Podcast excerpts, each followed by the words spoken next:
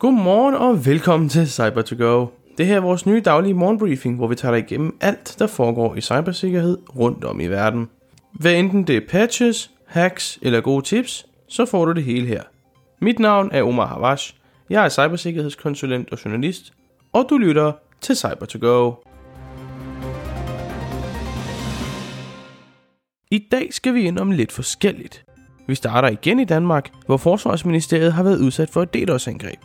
Så skal vi til Frankrig, hvor sportskæden Intersport er blevet udsat for ransomware, og hvor rigtig sensitiv data er blevet lækket.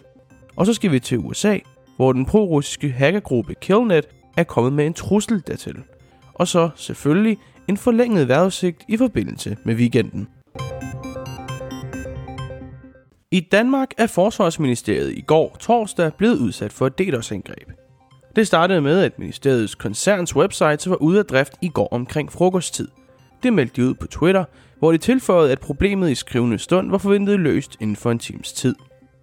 Seks timer senere kunne ministeriet så bekræfte, at det faktisk var et DDoS-angreb, som deres websites led under. Angrebet medførte naturligvis nedbrud på webportalerne. Dog bekræfter Forsvarsministeriet, at det ikke er værre end bare nedbrud. Forsvarets koncern IT arbejder på at sikre, at overbelastningen udefra stoppes. For nuværende er der ikke kendskab til andre påvirkninger end manglende adgang til webportaler. Der er således ikke nogen operative konsekvenser for forsvaret. Lyder det altså fra Forsvarsministeriet på deres officielle Twitter-side.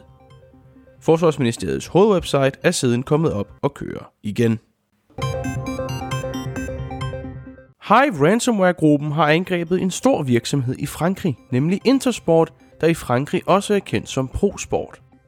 De udførte ransomware-angrebet i november måned, hvor de den 23. november 2022 kl. 16.03, kort inden Black Friday, havde krypteret samtlige relevante systemer. Den ekfiltrerede data lagde de så ud på deres side i går, den 8. december kl. 21.33. Ifølge Level 7's oplysninger er det sensitiv info, der er tale om, for de har både lægget billeder af decideret pas på nogle af medarbejderne, ligesom de har fremskaffet lønsedler og arbejdsskadedokumenter.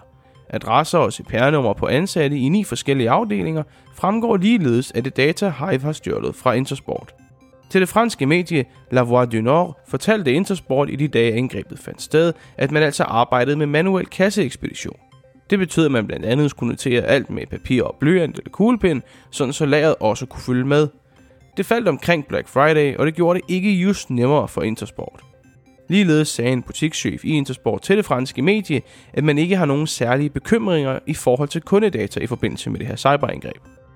Intersport har hele 780 butikker i Frankrig, og her er det altså i godseøjne kun en gruppe af butikkerne i Nordregionen, der har set sig ramt.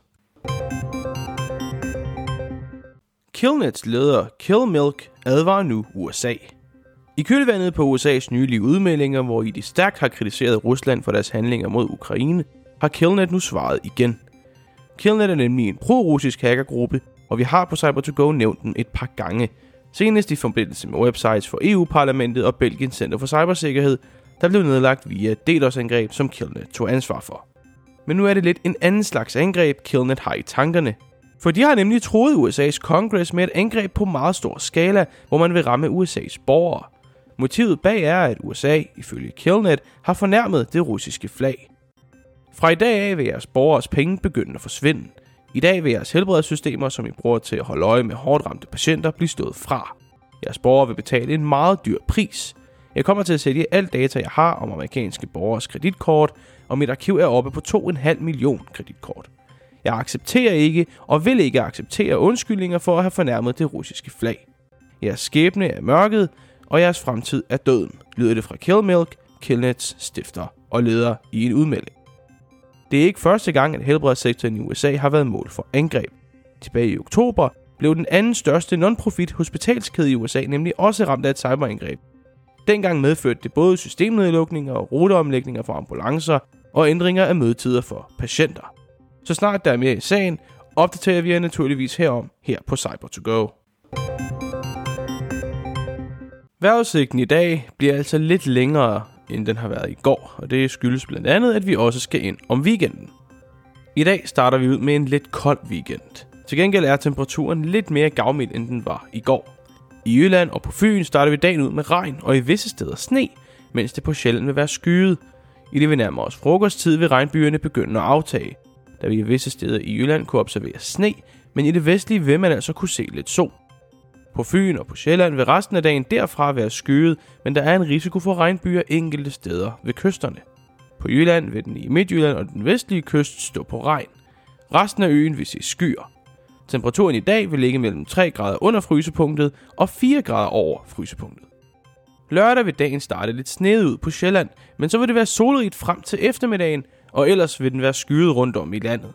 I enkelte dele vil man kunne se regn og eller sne, specielt ved de vestlige kyster af både Sjælland og Jylland.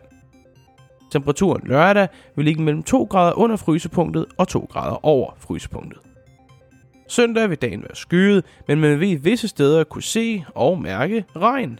Når vi nærmer os eftermiddagen, vil der kun være regnbyer nogle steder, ligesom man i de nordlige egne vil kunne observere sne. Temperaturen søndag vil ligge mellem 3 grader under frysepunktet og 2 grader over frysepunktet. Hos Level 7 går vi meget op i at forbedre cybersikkerhedslandskabet i Danmark, både på et kommersielt virksomhedsplan og for dine ansatte. Vi er altid på udkig efter nye samarbejdspartnere, hvad enten det er fordi du ønsker, at vi udfører en pentest, mangler en CISO, eller gerne vil tilbyde noget sammen med Level 7 til dine kunder. Har det her interesse, så kan I altså gå ind på www.lvl7.dk og læse mere. Mit navn er Omar Havash, og mange gange tak for, at du lyttede med til dagens udgave, nemlig episode 28 af cyber to go Personligt går jeg på ferie fra på onsdag og frem til nytårsaften, så onsdag vil altså være sidste gang, vi høres ved i 2022. Jeg håber virkelig, I lytter med indtil da, og jeg håber også, I lytter med igen på anden nytårsdag, når vi kommer ud med 2023's første episode. Naturligvis vil cyber to go fortsætte med at være daglig, vi tager bare lige en lille juleferie. Mange gange tak for jeres støtte til cyber to go hidtil, og må den længe fortsætte. Jeg ønsker jer en helt igennem fantastisk weekend, og så høres vi igen på mandag kl. 7. I må have en rigtig god fredag.